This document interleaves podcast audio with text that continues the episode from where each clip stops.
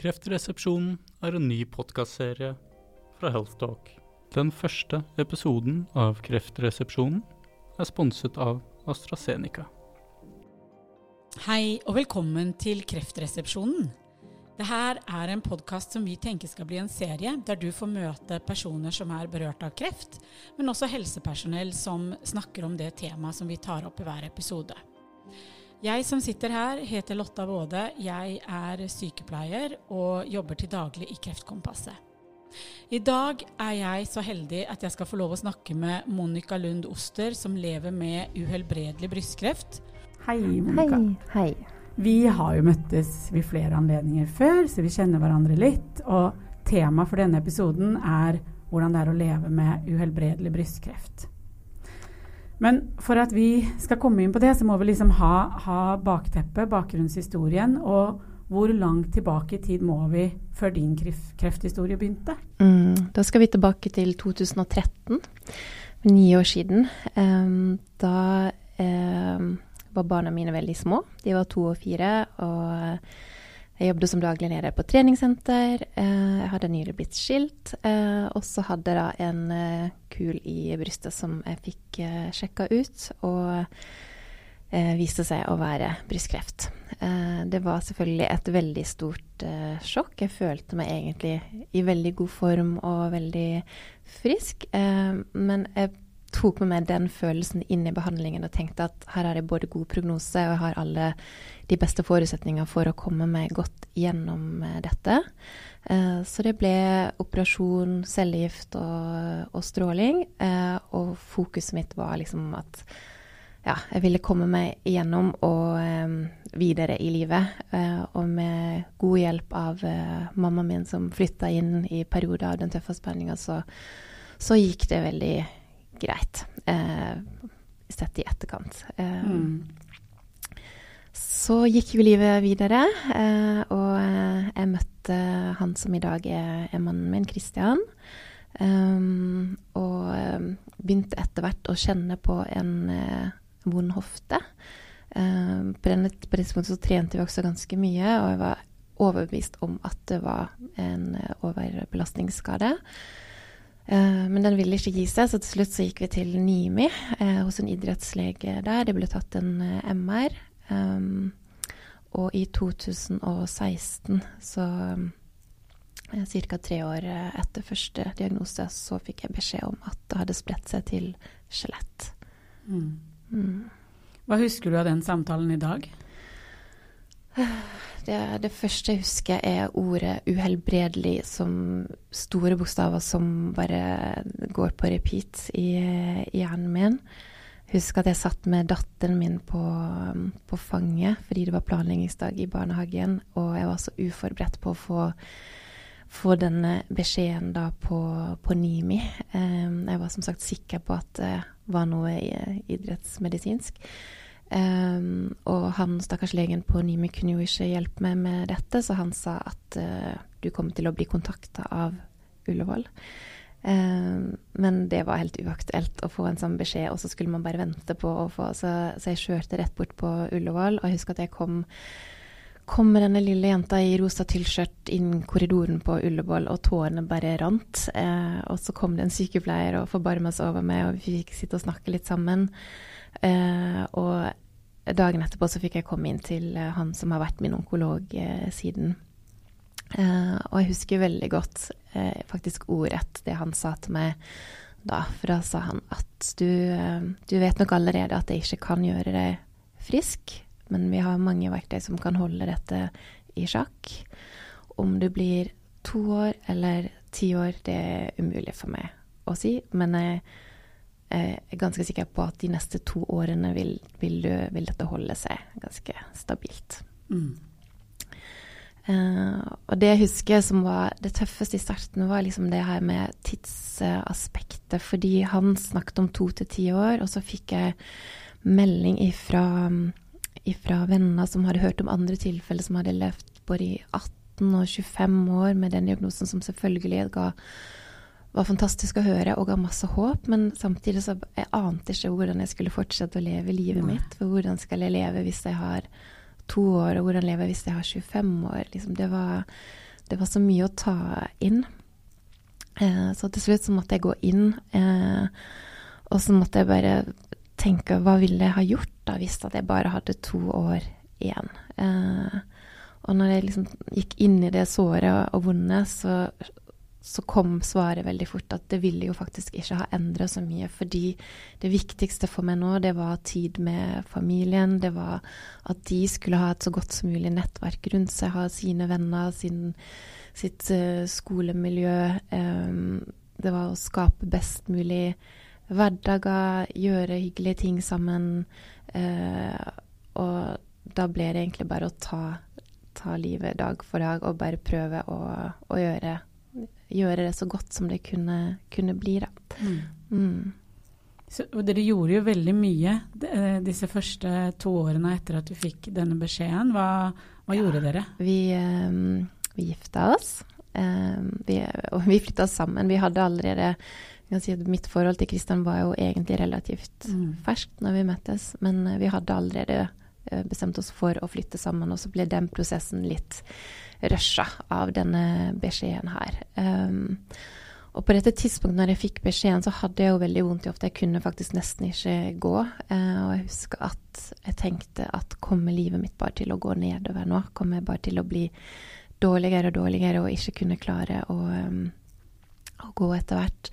Um, men uh, men, vi, men, det ble bedre med litt stråling og kortisonbehandling og og eh, kom i gang med litt mer hormonell type behandling, så, så, ble det bedre. Og vi fikk som sagt, vi fikk reist masse, gjort masse ting som barna hadde lyst til å gjøre. Vi var i Disney, Disney World, og um, vi uh, var i Legoland. Og vi liksom, ja, prøvde å gjøre alt som, som, som, vi hadde på vår bucketliste. Liksom, mm. bruk, brukte mm. virkelig disse, disse to årene til å bare skape masse gode opplevelser og, og, og leve. Eh, og eh, på dette tidspunktet så holdt jo kreften seg ganske rolig, sånn at det var man, Ja, vi kunne nesten glemme at jeg var syk da i mm. perioder. Fortsatte du å jobbe? Ja, det gjorde jeg. Mm. Mm. Og det gikk fint? Du jobbet på et treningssenter? Det var ja, det, jeg var jo i fortsatt Altså så lenge hoften min ble bra igjen, så var jeg jo i, i god form og, og, var veldig glad i jobben min. Så det, det gikk fint frem til jeg fikk beskjed i 2018 at det hadde spredt seg til eh, lever. Ja. Da følte jeg at det endra litt ballgamet i forhold til både forventa levetid, og jeg følte liksom idet jeg fikk den beskjeden at, at det bare mista masse, masse år. Eh, det er jo ikke sikkert det er reelt, men det var sånn det føltes for, mm. for meg å få den beskjeden. Så um, det um, da, da, ble, eh, da, ble, en litt mer uforutsigbar kreft eh, Altså en litt mer uforutsigbar arbeidskraft. Og jeg jobbet på et eh, relativt lite treningssenter der vi var avhengig av at man kunne Altså vi hadde ikke så mange å spille på, så da måtte jeg til slutt innsatt. nå må jeg nødt for å trappe ned den uh, delen av, uh, av, jobben. Men jeg fortsatte å jobbe fortsatt som gruppetreningsinstruktør. Så det jeg er veldig glad for at jeg kan beholde litt av min jobbidentitet. Det er helt fantastisk, Monica, at du gjør det. Ja, det, ja. det gir meg veldig mye. Eh, mm. og, og, det, og, jeg er ekstremt takknemlig for at jeg fortsatt kan gjøre det, og at jeg mm. får lov. mm.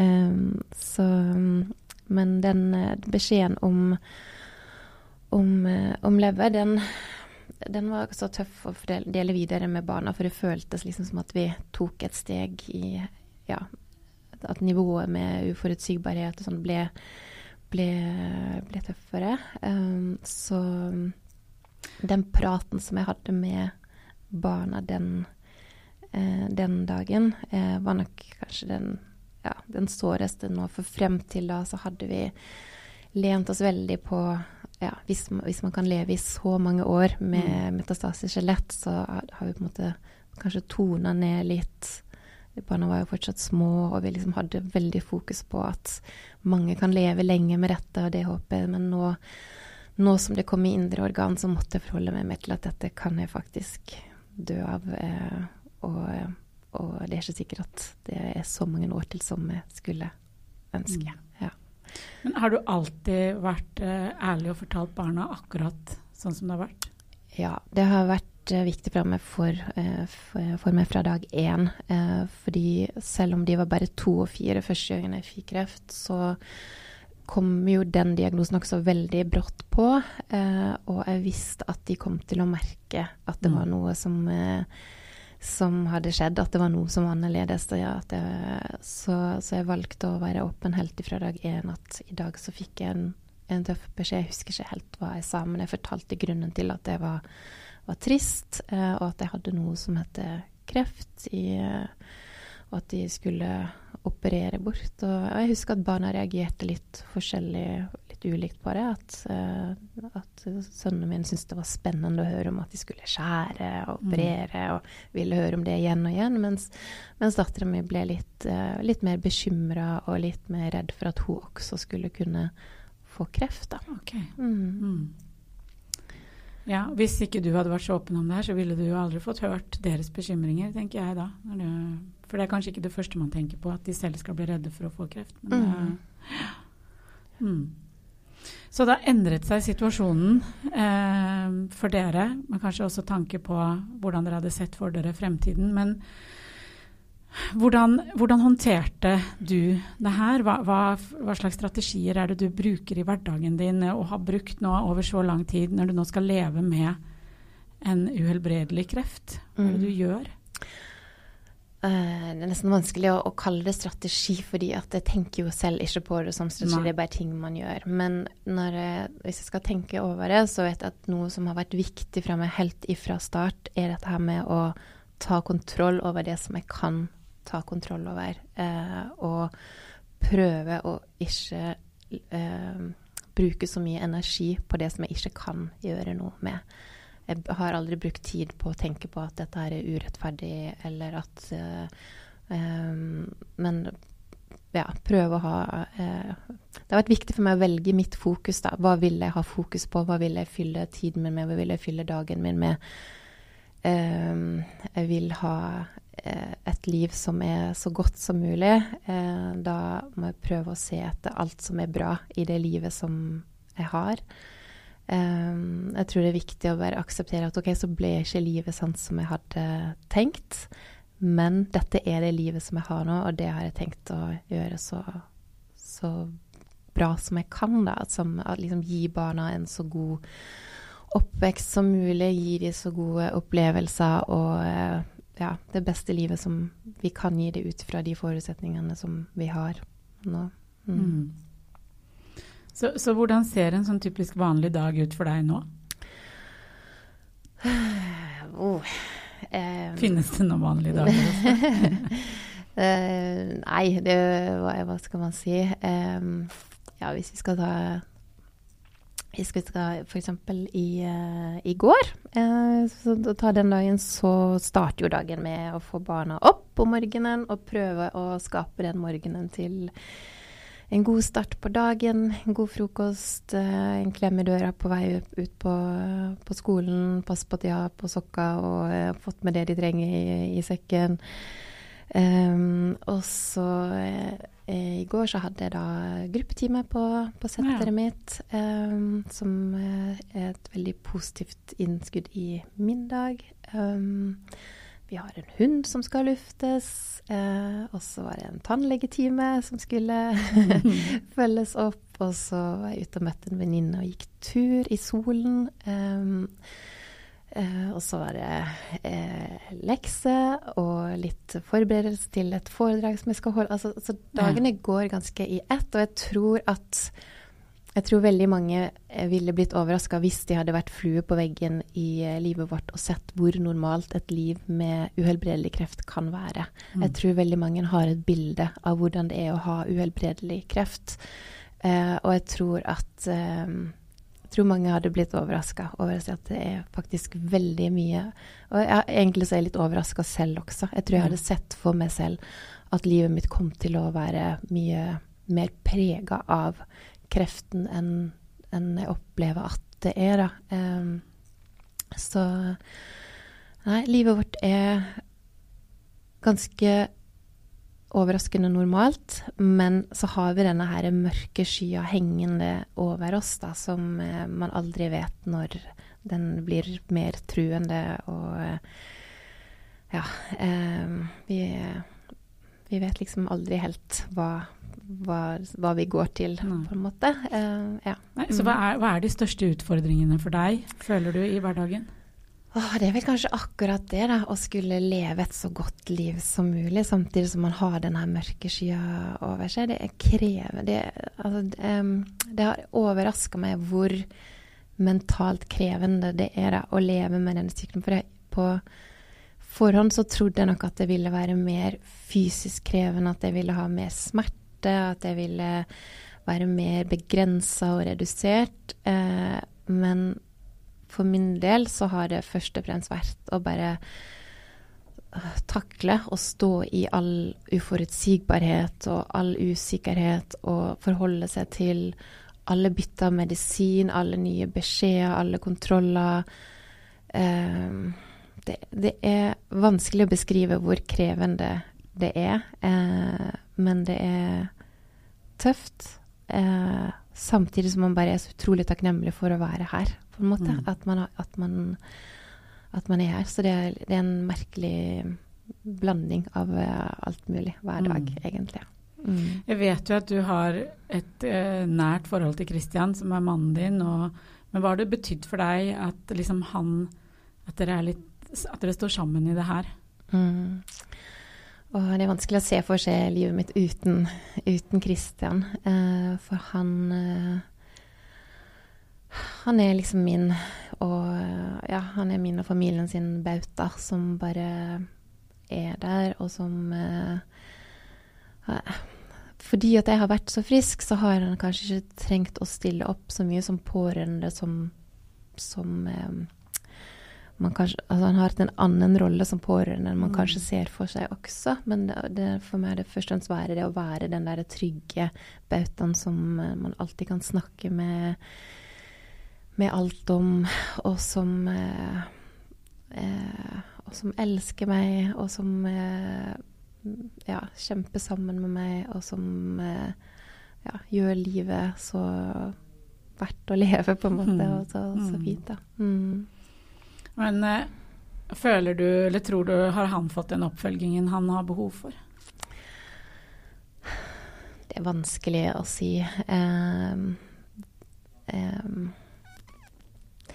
er vanskelig å si, fordi at Kristian eh, har jo heller ikke søkt så veldig mye eh, oppfølging. Men hvis man skal tenke oppfølging på pårørende generelt, så, så og, og, kanskje generelt det her med den mentale oppfølgingen både for meg og for, for pårørende, så så opplever jeg at det er et stort sprik da, mellom de mentale utfordringene og det mentale tilbudet. At uh, det fins ikke så veldig mye uh, tilbud. Um, hvis jeg ikke tar feil, så mener jeg at det er en psykolog på Ullevål som er for alle kreftpasientene der. Uh, og hvis det er riktig, så sier det jo litt om hvordan man mm. vektlegger mental mm. ja, mental eh, støtte eh, mm. der, ja. Så mm. men, men, har du hatt behov for å snakke med noen? Har du følt at du har fått den oppfølging, mentale oppfølgingen som du har hatt behov for? Jeg husker en gang der um, Det var midt under uh, covid-tiden, og vi uh, venta på noen, en kontroll som var der ting var veldig usikkert. Og jeg kjente at jeg bare ble litt sånn overvelda av ventesorg. Um, og det er kanskje ja, den ene gangen jeg bare rett og slett har følt meg litt At det bare ble for mye. Det var for Det gjorde så vondt. Um, åh, den følelsen av å ikke kanskje skulle få være så lenge som man ville. Um, og da prøvde jeg å ta kontakt med privat um, hjelp, men det var så lange ventelister overalt. Sånn at den ene gangen som jeg virkelig følte at nå, nå trenger noen å snakke med, så, så fantes det ingen der. Og det også var litt sånn sårt å vite at det var ingen der når man, når man trengte det. Um, så nei, vi har et stykke å gå når det gjelder ja, mental man, oppfølging. Man tror jo kanskje at når man da kommer i den situasjonen Eh, og kanskje spesielt da, etter at du fikk spredning til leveren, alt ble litt mer alvorlig. Mm. At det skulle være liksom et slags team som følger opp både deg og, og barna. Men hvordan har det vært med, med barna? Nei, Uh, i forhold til barna så følte jeg at den første gangen jeg fikk kreft, når de som sagt var små og, og for ni år siden, så opplevde jeg at de ble veldig godt ivaretatt av eh, sykehuset. De ble invitert med på, på sykehuset og på cellegift og var med på eh, et operasjon. Uh, så der opplevde jeg at det var satt inn i et system, og de ble sett, og de ble fulgt opp og spurt etter hvordan går det.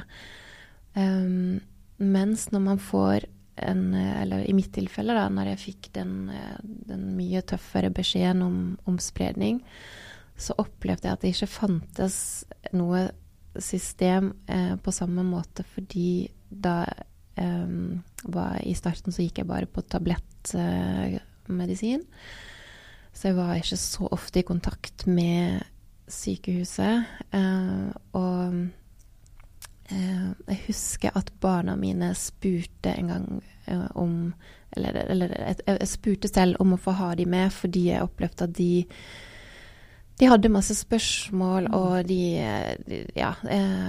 og da husker jeg at legen min da kommenterte ja, men nå er jo du i den rolige fasen av sykdommen. Er, er, det noe, hva er det de trenger å snakke om nå, på en måte? Og det sier kanskje litt om eh, hvor at, at det trengs, trengs, å bli satt i et bedre system, fordi det kan jo ikke barna vite. Nei. Nei. eh, så, så de, den gangen så fikk de bli med og møte både legen og, og snakke med sykepleieren. Sånn, så man opplever at de står eh, klar til å snakke med barna hvis man spør om å få komme til, til sykehuset. Men det, fins ikke noe system, da, hvis du forstår mm. forskjellen. Jeg mm. opplever at man må um, at Hvis jeg opplever at de hadde trengt mer enn det, så vet jeg ikke hvor de skulle ha fått midlene fra til å gi dem kanskje den oppfølgingen som jeg opplever at de hadde trengt. Jeg føler at man undervurderer den mentale påkjenningen mm. det er å være barn som pårørende over så mange år, så mange lever med en syk mor eller eh, far. Så, så, får de en Så lever de med vissheten om at mamma eller pappa kan dø, eh, men det er veldig lite hjelp til å bearbeide de de tankene, og så blir det forventa at man bare skal fungere som normalt på, på, skole og på aktivitet. Og sannheten er jo at veldig mange barn ender opp med å være veldig slitne mm. og ukonsentrerte fordi at det krever så mye energi. Det er det som går og, og um, Det som de må bære på, på en ja, måte. Klart, ja. Mm. Så, så det, det, med barn som pårørende har jo blitt en, en hjertesak mm. for meg. Uh, jeg savna veldig en bok om temaet når jeg fikk diagnosen, og siden jeg ikke fant det, så, så fikk jeg muligheten til å gi ut uh, boken som heter 'Når livet blir trist', som handler om det å leve med en, en syk Uh, syk forelder uh, og en bestemor som dør, sånn at man får snakka litt om både alvorlig sykdom og død. Um, og så, fordi vi har savna et et bedre tilbud til barn som, eh, som pårørende, så oppretta Heidi huset og meg et, noe som heter Kompani Føniks, som er for alle barn i Stor-Oslo som har en forelder med uhelbredelig kreft. Der man samles og bare gjør hyggelige ting sammen, som f.eks. Eh, sist gang var vi på Rush, og vi har vært på Teknisk museum, og vi har vært på um, i parken og lekt. Og vi har Ja, så det føles veldig verdifullt at man i hvert fall bare kan møte andre i samme situasjon. og vi eh, pårørende kan, kan møtes. Mm. Eh, Men er det en forening, Monica, eller hva er det, det som man forening. kan melde seg inn der hvis man uh... Ja, hvis det er noen i Stor-Oslo som, som, som kommer inn under kategorien at de lever med uhelbredelig kreft og har mm. barn i opptil 18 år, som er de veldig velkommen til å mm. finne. Vi, de har en nettside som heter kompaniføniks.no. Mm. Og boken din, er, hvis man er interessert i den, 'Når livet blir trist'? Mm. Den uh, finnes i de fleste bokhandler. Og vi har også levert ut ganske mye Spør etter dem på sykehuset ditt, fordi at Mm. mange sykehus har fått, fått den eh, i, eh, i gave, eh, som kan eh, leveres ut til de som kommer i den situasjonen der de, der de trenger den. Mm. Mm. Nå har det jo gått ganske mange år. Du har levd i seks og et halvt år med uhelbredelig kreft, og du har prøvd mange behandlinger. Og så kom det dit en dag for ikke så lenge siden at legen fortalte deg at uh, du måtte oppsøke private steder hvis du skulle få den behandlingen som han mente var den beste for deg. Fortell litt om den samtalen og hvordan det var for deg. For det første så kom det veldig overraskende på. Jeg så ikke den komme i det hele tatt. For jeg hadde fått blitt med i et studie som heter Impress. eh, Så jeg var innstilt på at på denne kontrollen så ville jeg enten få vite at de har funnet et eller annet mirakuløst på Mm. denne Impress-studien, eller så vil jeg få vite at det fins ikke noe mer eh, de kan tilby, eh, og så vil det være en slags ro i det. Ikke tilby generelt, men bare at, at en Impress ikke kunne tilføre noe mer, da. Um, og så eh, fikk jeg vite at Impress dessverre ikke hadde noen treff eh, for min del, og det, det var greit. Men når legen da sier at Men så viser det seg at vi har en annen medisin som som, eh, som jeg tror vil være den beste for deg, eh, men den kan jeg ikke gi deg. Eh, så var det bare eh, Det var så sårt Mm. å høre de ordene. Jeg følte meg så verdiløs. Er livet mitt så liksom, Er tiden min så lite verdt at, eh, at jeg ikke skal få den, eh, den behandlingen? Um, og det handler egentlig ikke det, altså Selvfølgelig penger, økonomisk så er det en, et, et stort eh, Mm. økonomisk eh, eh, Altså det stor økonomisk utfordring få å skulle løse det. Men det handler også om det å få lov til å være på det sykehuset som jeg nå har vært på i seks og et halvt år. og har liksom mine sykepleiere Mm, som jeg kjenner klart det. det trygt og godt. Eller Mm. en person som liker, liker trygghet. Så plutselig så skulle jeg ikke få være en del av det som ble kasta ut. Mm. Eh, så det var veldig Nei, det var skikkelig sårt, Ja. rett og slett, å få de ordene. Og det kom så uforberedt på, da. Eh, Mm. for frem til Frem til da så har jeg bare følt meg så utrolig ivaretatt av norsk helsevesen. Jeg har, vi hadde snakka om fins det noe å hente i utlandet, det hadde vi snakka mye om. Og jeg opplevde at jeg fikk akkurat den samme gode hjelpen som jeg ville ha fått på et eh, eh, Ja, de beste sykehusene i utlandet. Altså, jeg følte ikke at det, jeg følte at jeg fikk den beste hjelpen som jeg kunne få. Jeg har vært heldig og hatt den samme onkologen i mange år, som jeg har satt utrolig stor pris på å ha. Um, altså det, det, det kom bare så ut av det blå, på en Mm. måte, at, Mm. eh, at nå måtte, må jeg oppsøke privat hjelp. Så hva gjorde du? Nei, eh, nå har jeg jo delt mye av min reise på eh, vært valgt å være åpen på, på Instagram og la ut et, eh, et innlegg etter denne kontrollen om hva som hadde skjedd, og, og nevnte at, at, eh, at, at nå må jeg mulighet over på privat behandling. Um, etter at jeg la ut det innlegget, så satte jeg meg i bilen og kjørte til um, min søster som bor i Røros, sammen med min andre søster som skulle være med i bilen. Uh, og mens jeg var på vei til, eh, til Røros, så ble det altså oppretta en spleis. Eh, og jeg kommer aldri til å glemme den turen til Røros, for da sitter søsteren min og har høytlesning ifra denne, sånn rørt. ifra denne spleisen med Ja. alle de fantastiske støttemeldingene som Mm. kom, eh, kom inn, og eh, det var, Men det var bare så surrealistisk, Mm. fordi jeg har jo vært med og støtta mange spleiser selv, men jeg bare så aldri at jeg, altså jeg, jeg hadde ikke trodd at det kom til å bli min realitet. Eh, og plutselig så ser jeg denne spleisen bli delt eh, overalt på Facebook og på Instagram, og jeg er så takknemlig og rørt og men samtidig så klarer jeg ikke helt å forstå at det, at det plutselig var dette her meg og, og Mm. mitt liv. Og på en måte så ble, var jeg litt sint også, fordi at det var faktisk legen min som foreslo spleis. Og jeg skjønner godt at han gjorde det, for han var sikkert helt fortvila over å måtte gi meg den beskjeden at det fins en behandling, men den kan du ikke få. Eh, det må være grusomt å være lege, og eh, jeg opplever jo at han bryr meg om meg, eh, Mm. og ikke skulle få lov til å da gi den behandlingen. Men samtidig så syns jeg at det blir så feil, da. At det er der vi har kommet inn, at det er så lett å bare eh, Å bare skulle starte en spleis. Det er ikke så lett for Nei. alle eh, å gjøre det. Og det er snakk om enormt mye penger. Eh, ja, nå er det vel ca.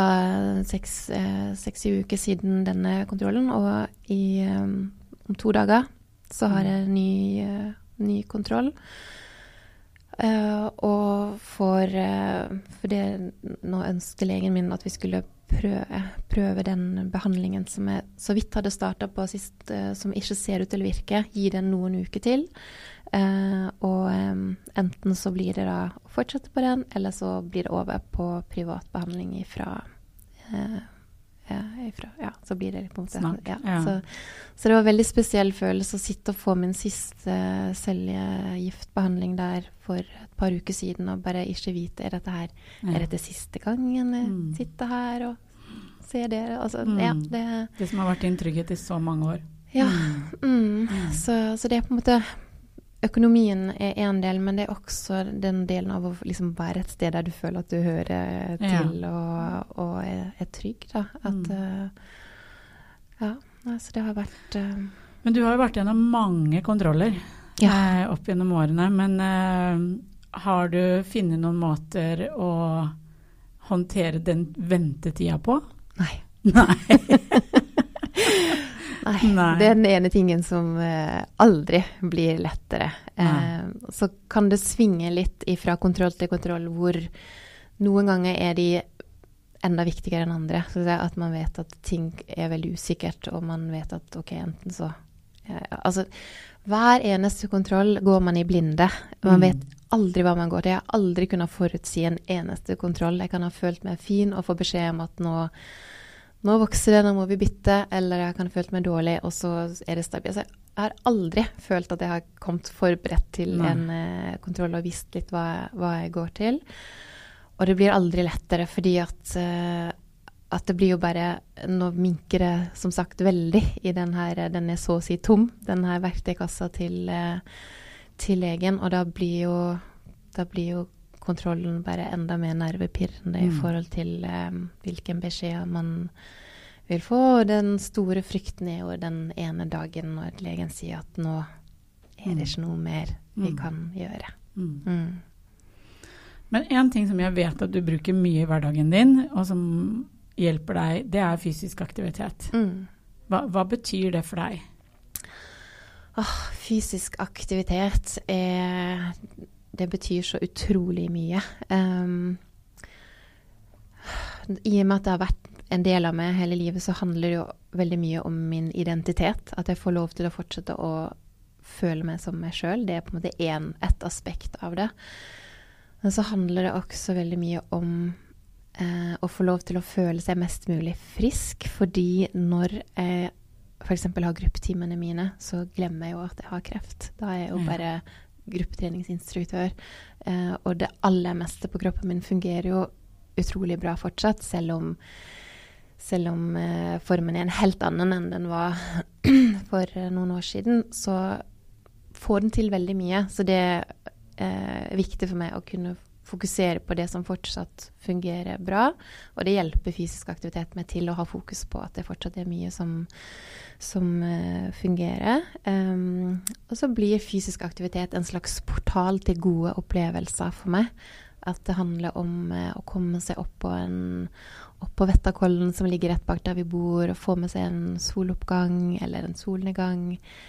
Eh, få gått en tur med en god venninne og fått en god prat og frisk luft. Eh, en fjelltur. Eh, altså, ja. Det, det er liksom med på å gi meg så mange gode opplevelser som jeg føler meg utrolig heldig, som jeg fortsatt eh, har en kropp som er frisk nok til å bære meg med på disse opplevelsene. Da. Mm. Men jeg ser jo, for oss som følger deg i sosiale medier, så ser jeg jo at du er ute jeg føler at du er ute hele tida, men, men, men, er det lett for deg å komme deg Har ikke du den der dørstokkmila som alle vi andre har, og liksom komme seg ut? Å, jeg har virkelig kjent på den i, i perioder. Ja. Men, men, det jeg har gjort, er vel bare at jeg har senka den lista uh, veldig. Liksom at mens, uh, mens trening var, var, på et helt annet nivå før, da skulle det være intenst og slitsomt og man skulle løpe. Liksom. Mm. Nå handler det bare om å Jeg har satt et mål om å gå 10 000 skritt hver dag. Og for meg så, um, så fungerer det målet fint. Noen dager klarer jeg ikke, andre, andre dager går jeg mer. Og noen dager føles det som en vits, de skrittene man går. Men så vet du, i løpet av et år så er det snakk, snakk om ganske mange skritt mm. likevel. Um, så for meg fungerer det, det fint. Og så tenker jeg at noe av det aller viktigste trening kanskje gjør for meg, eller det å være i aktivitet, og det, dette har jeg snakka med legen min om også, er jo dette med at, at det kanskje gjør at jeg kan tåle behandling bedre, mm. som i en lengre konsekvens gjør at jeg får mer tid. Ja. Mm, og det, ja, det er jo en motivasjon som eh, jeg skjønner er veldig sterk. Mm. mm. Og så ønsker jeg også å være et uh, rollebilde for barna mine. Mm. At de skal kjenne den mammaen som jeg ville vært. At, at, uh, og det er klart at jeg klarer ikke å være like aktiv som jeg tror jeg ville vært uten kreft. Men, eh, og jeg klarer ikke å få de like engasjert i aktivitet som jeg skulle ønske. De er to eh, ganske bedagelige sjeler begge to. Men jeg håper at min treningsbegeistring og glede likevel kan smitte litt, sånn at det kan gjøre at de også kan utvikle den treningsgleden mer etter hvert. Da. Mm. Så, mm. Jeg ser jo også at du samler på disse som vi kalte vi, før vi begynte, her, sånne wow moments, eller på svensk sier man forundran. Mm, Men du kan, gå, du kan, stå opp litt tidlig du for å få med deg en soloppgang, eller gå en del skritt ekstra for å få en fin utsikt. Oh yeah. Og det har, eh, det har Christian måttet ha gjort en del ganger ja. også. Men det er en av de sidene som jeg liker veldig godt med Christian, er at han alltid er klar for å være med på, på mine eventyr. Mm. Uh, og uh, på den Altså, vi, har, vi, har, fått med oss noen soloppgaver. Ja, det, det, har jeg sett. Mm. Men hva tror du han har lært av deg? Det vet jeg, det har han sagt. At mm. han har uh, lært veldig mye om det her med å ikke bare se frem til helga, men å finne litt magi i hverdagen også. At man uh, kan uh, Uh, og liksom det med å legge litt merke til alt det vakre rundt seg som man aldri så før. Plutselig så kan man se Oi, her var det, her var det fint. Mm. Uh, og denne soloppgangen var, var, ekstra fin. Uh, så, så, jeg vet at han har Han har lært litt mer om om å leve mer i nuet, kanskje. Mm. Mens han lærer meg litt mer om det her med å planlegginga. At det også mhm. kan være lurt av og til. ja. men, men, føler du at Altså, dere har jo mange fine ting i livet, som du sier, men føler du at det har endra seg for deg? Ser du er det, er det, finere nå, kan man si det? Jeg vet ikke, Det høres kanskje litt sånn uh, naivt ut av meg å si, men er det ting som har endra seg for deg? Um, altså, livet er jo veldig fint og veldig vondt på samme mm. tid. Mm. Eh, men det som har endret seg, er jo at man setter mer pris på ting som man kanskje tok som en selvfølge før, som f.eks. tid. Mm. Som nå er det absolutt mest verdifulle jeg har, og som også er den fineste gaven som noen kan gi meg. Når noen velger å bruke tiden sin på meg, så setter jeg så enormt stor pris på det, fordi det er alt jeg ønsker meg. Mm. Eh, så tid, eh, relasjoner, liksom betydningen av det å ha gode relasjoner, ha mennesker i livet som, som ordentlig eh, er der for deg, og som støtter, og som heier, det har også Det bare føles enda viktigere, kanskje, enn det, enn det gjorde før. Um, og jeg merker at materielle ting mister interessen, på en måte. At det, at det er ikke så viktig eh, har kanskje aldri vært superviktig, men det har iallfall blitt enda mindre viktig. Eh, og så setter jeg enormt stor pris på de liksom, gode øyeblikkene, som du sier. Det kan være alt fra en soloppgang til at vi bare har en at vi bare ler skikkelig godt sammen. Eh, spiller et spill der det blir høyt engasjement, og vi koser oss. Altså, alle øyeblikk der jeg tenker åh, dette kommer vi til å huske, liksom. Mm. Eller, altså, det, det betyr mye. Mm. Mm. Men så har du da den der svarte skyen, som du sier, og, og, og tenker du på døden? Er den, er den en del av dine tanker i hverdagen? Det er vanskelig å komme utenom. Eh, og jeg tror man forholder seg veldig ulikt til det når man får en sånn diagnose. Jeg tror for noen blir det viktig å planlegge det ned til minste detalj, og at det gir en ro og, Mm. og trygghet for de. Mens for min del, når jeg har prøvd å, å liksom Jeg har noen ganger satt meg ned og prøvd å skrive litt. For det er veldig viktig, det er veldig viktig for meg at hvis jeg dør, at det skal At, uh, at um, Hva skal jeg si At jeg har at jeg har tenkt på de som er igjen, på en måte. Uh, men tidspunktet for det uh, um, Jeg har prøvd å sette meg ned og skrive litt brev til barna. Eh, Det er veldig vanskelig. Mm. Åh, det Det er skikkelig sårt. Mm. Eh, og det, ordene blir så veldig um, De blir så veldig endelige. Mm. Um, men jeg har begynt å skrive konfirmasjonstale. Nå skal uh, uh, min eldste konfirmeres til våren. Mm. Så jeg håper jo at jeg får lov til å lese opp den talen selv. Um, og også til hun yngste. Mm. Eh, men eh, eh, Så jeg har perioder der jeg tenker at nå må jeg prøve å forberede litt. Um, men jeg tror det jeg tenker aller mest på, er eh, hva kommer til å Hvor mye kommer jeg til å få oppleve? Hva kommer jeg til å gå glipp av? Um, og så har jeg egentlig lagt en strategi om at de fleste som lever med metastatiske brystkreft, de vil få litt forberedelsestid til døden. Ofte så får man beskjed om at nå er det ikke noe mer jeg kan gjøre, og så har man noen måneder, så ofte. Eh, og jeg har kanskje tenkt at OK, men da velger jeg å bruke tiden min nå på å leve så godt som jeg, jeg kan, og så vil jeg forholde meg mer til døden når jeg får den beskjeden. Mm. Mm. Det er sånn jeg har valgt å, valgt å gjøre. Og så varierer det litt alt etter Har man mer smerte og, og ting er mer usikkert, så, så kommer døden nærmere igjen. Så jeg har jo gått på en smell og kjøpt noen veldig dyre julegaver fordi jeg har trodd at det, Det har vært den siste julen. julen, så det blir veldig Ja. Ja. Mm. ja. Men det, da ble det fine gaver, da. Det blir fine, Mm. fine gaver. Hvis du skal fortsette å toppe de for hvert Ja. år, så blir det. Ja. Um, ja. En, um, Men det, jeg opplever jo fortsatt at det er mye håp hos deg nå. Selv om du nå liksom beveger deg ut mot kanskje at det er færre og færre medisiner å prøve, Mm. så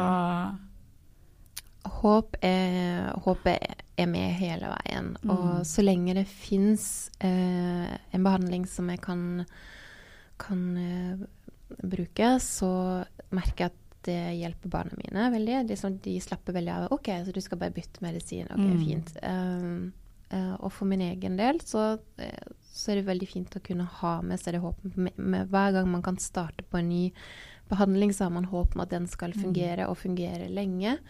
Og hvis den behandlingen fungerer lenge, så har man håp om at det kommer noe nytt før man er ferdig med Mm. den behandlingen eh, igjen. Sånn at det liksom Egentlig alt håp ligger vel for meg i det som handler om medisinske fremskritt og, og Mm. forskning. Um, og, og det er veldig, veldig viktig for meg å dele det håpet med, med barna, og, og kanskje til og med forsterke det, sånn at man skal ja, ha et sterkt håp da, i, um, i fremtiden. Ja. mm. Jeg, jeg bruker egentlig ikke ordet når, når eh, jeg dør, på en måte. Eller, Nei. sånn, for meg så er det, er det hvis. Mm. Ja. Mm. Mm. Og det er Mm. fordi at det er alltid et håp om at det skal at det skal komme noen. Men jeg merker jo at det håpet har endra seg. Jeg husker jo når vi, når vi fikk den eh, diagnosen om spredning, og legen sa to til ti år. Så særlig Kristian sitt håp da, var ekstremt stort. Han var 100 sikker på at da kommer ikke dette her til å bli noe problem. For hvis han sier ti år, så er det klart at du skal ha ti år. Og eh, om ti år så har det jo kommet noe, mm. noe fantastisk som gjør at, ikke, at, man ikke dør av det lenger. Mm. Eh, så det håpet var veldig stort i starten, og så fikk det seg en skikkelig knekk rundt eh, leverdiagnosen.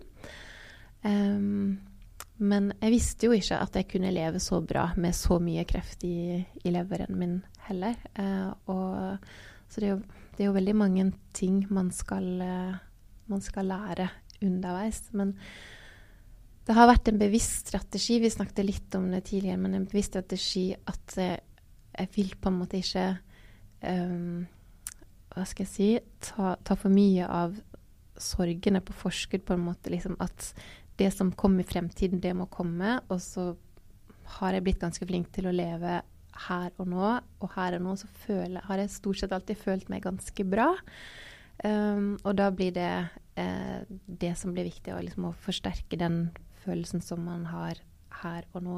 Uh, for jeg tenker sånn Tenk hvis Tenk hvis dette her er, er, den beste tiden, og så bruker jeg den tiden på å bare bekymre meg og, og liksom, Da har jeg jo kasta bort de to årene som kunne vært den beste, eller liksom den perioden som kunne vært den beste. Sånn at at jeg tror kanskje jeg har med meg det fokuset å hele tiden gjøre, gjøre det til Ja, jeg vet ikke. Det ble kanskje litt Jo, men nei, jeg syns det er helt fantastisk at du klarer det, Monica. Det må jeg bare si. Uh, virkelig. Og så er jo barna den største motivasjonen jeg kan ha. på en måte med å, ja, Barna og familien liksom med å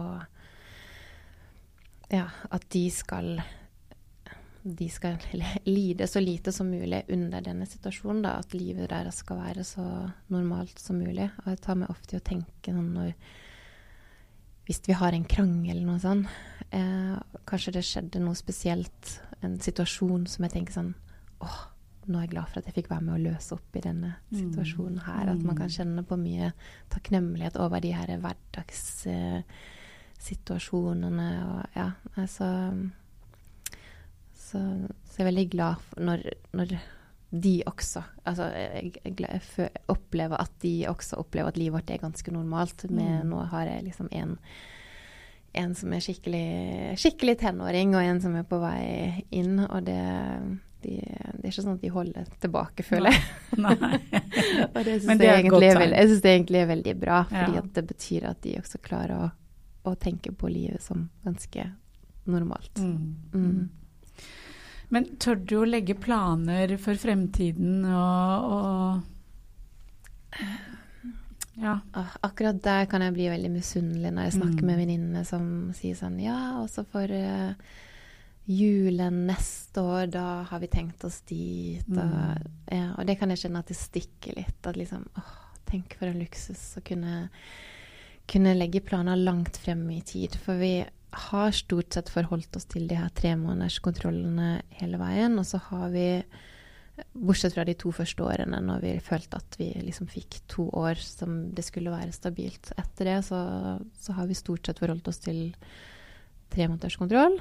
Um, I sommer så Eller uh, i, i, vår, tidlig i vår, så fikk vi en veldig god beskjed på kontroll. Da, da var det liksom nest, rett, faktisk litt sånn tilbakegang i, uh, i lever. Det var første gang det hadde skjedd, så da kom uh, da kom sykepleieren med flagg vi, og greier. Liksom. Så det var sånn skikkelig, skikkelig positiv kontroll. Og jeg tenkte nå nå bestiller jeg sommerferie, for nå skal barna mine få lov til å glede seg til, eh, til denne ferien. Um, men den jinxa jeg ganske greit da, med at det ble ganske tøft av den kontrollen mm. etterpå, og mye usikkerhet. Og um, den ferien som uh, Vi fikk reist på den ferien, men jeg fikk først vite det dagen før ferien at jeg fikk uh, lov til å dra. Sånn at det innebærer jo litt mer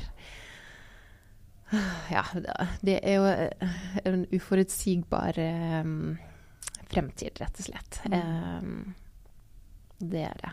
Uh, så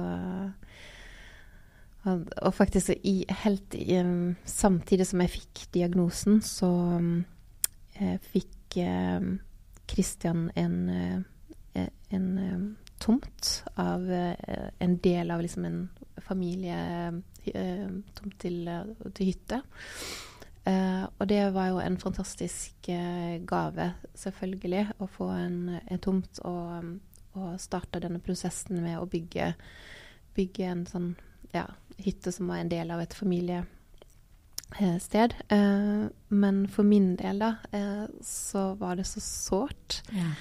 å skulle sitte og være med på denne prosessen når jeg ikke ante hvor stor del liksom kommer til å se den hytta ferdig, kommer til å få være med og bruke den. Og, mm. altså, det, det, var, det, var, veldig vanskelig å skulle sitte og planlegge noe som føltes så langt frem i tid, samtidig som vi akkurat hadde fått denne beskjeden. Sånn at jeg tror nok at jeg liker meg best her og nå. Ja. Eh, og eh, så får vi heller eh, ja, være mer spontane og gjøre Vi prøver å få liksom jeg prøver å makse dagene mine mest mulig og utnytte de, de eh, ja, helgene eller feriene vi har liksom til å gjøre hyggelige ting. Men jeg trives nok best med å ta ting litt mer sånn på sparket. Spontanturer er fint. Ja.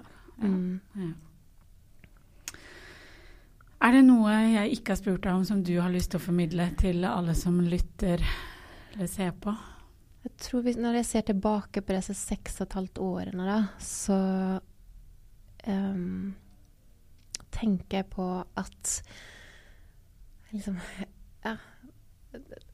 Jeg tenker på at det kan være kanskje, altså Når jeg fikk diagnosen selv, så kjente jeg nesten ingen som, uh, som, hadde, som levde med denne diagnosen. Uh, og jeg tenker at det er litt Den utarter seg jo selvfølgelig forskjellig for alle, men det, den følger ingen ingen oppskrift, men, men, jeg kjenner mange som lever veldig godt med den, og det tenker jeg er litt viktig å formidle, for jeg vet jo at alle som, eh, alle som har hatt brystkreft, så vet jeg jo at man, det man frykter aller mest, er tilbakefall og spredning. Um, og hvis jeg hadde visst når jeg fikk uh, diagnosen at livet mitt kom til å være så fint seks og et halvt år senere, så hadde jeg kanskje klart å hatt en enda mer avslappa holdning til det. Men klart, man har jo, man har jo ingen garanti. Men, men det har iallfall, jeg har iallfall vært positivt overraska over hvordan, hvor fint livet kan være, selv om, eh, selv om det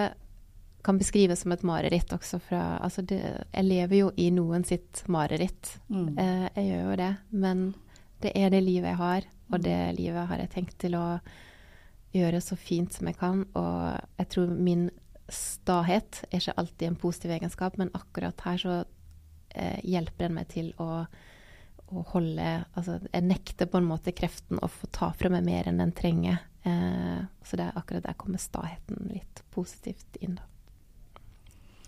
Tusen takk, Monica, for alt du har delt. Eh, og kan, jeg vil si én ting til. Ja, vær så god. jeg vil bare si at uh, når man lever i en sånn situasjon, da, så tror jeg at det er vanskelig å beskrive hvor mye det betyr med den uh, støtten som man får fra andre. Jeg tror at man undervurderer liksom bare effekten bare av et hjerte eller en hyggelig kommentar. Uh, det, det, å ha noen som, som vil deg godt, selv om de ikke kjenner deg, noen som heier på det, det, det, er veldig mye kraft i det. Det er veldig mye eh, Ja, den, den, støtten som så, så, aldri Hvis du bare er en person som er, som er, flink til å gi hjerte og kommentarer og, og støtte, så vit at det betyr utrolig mye for den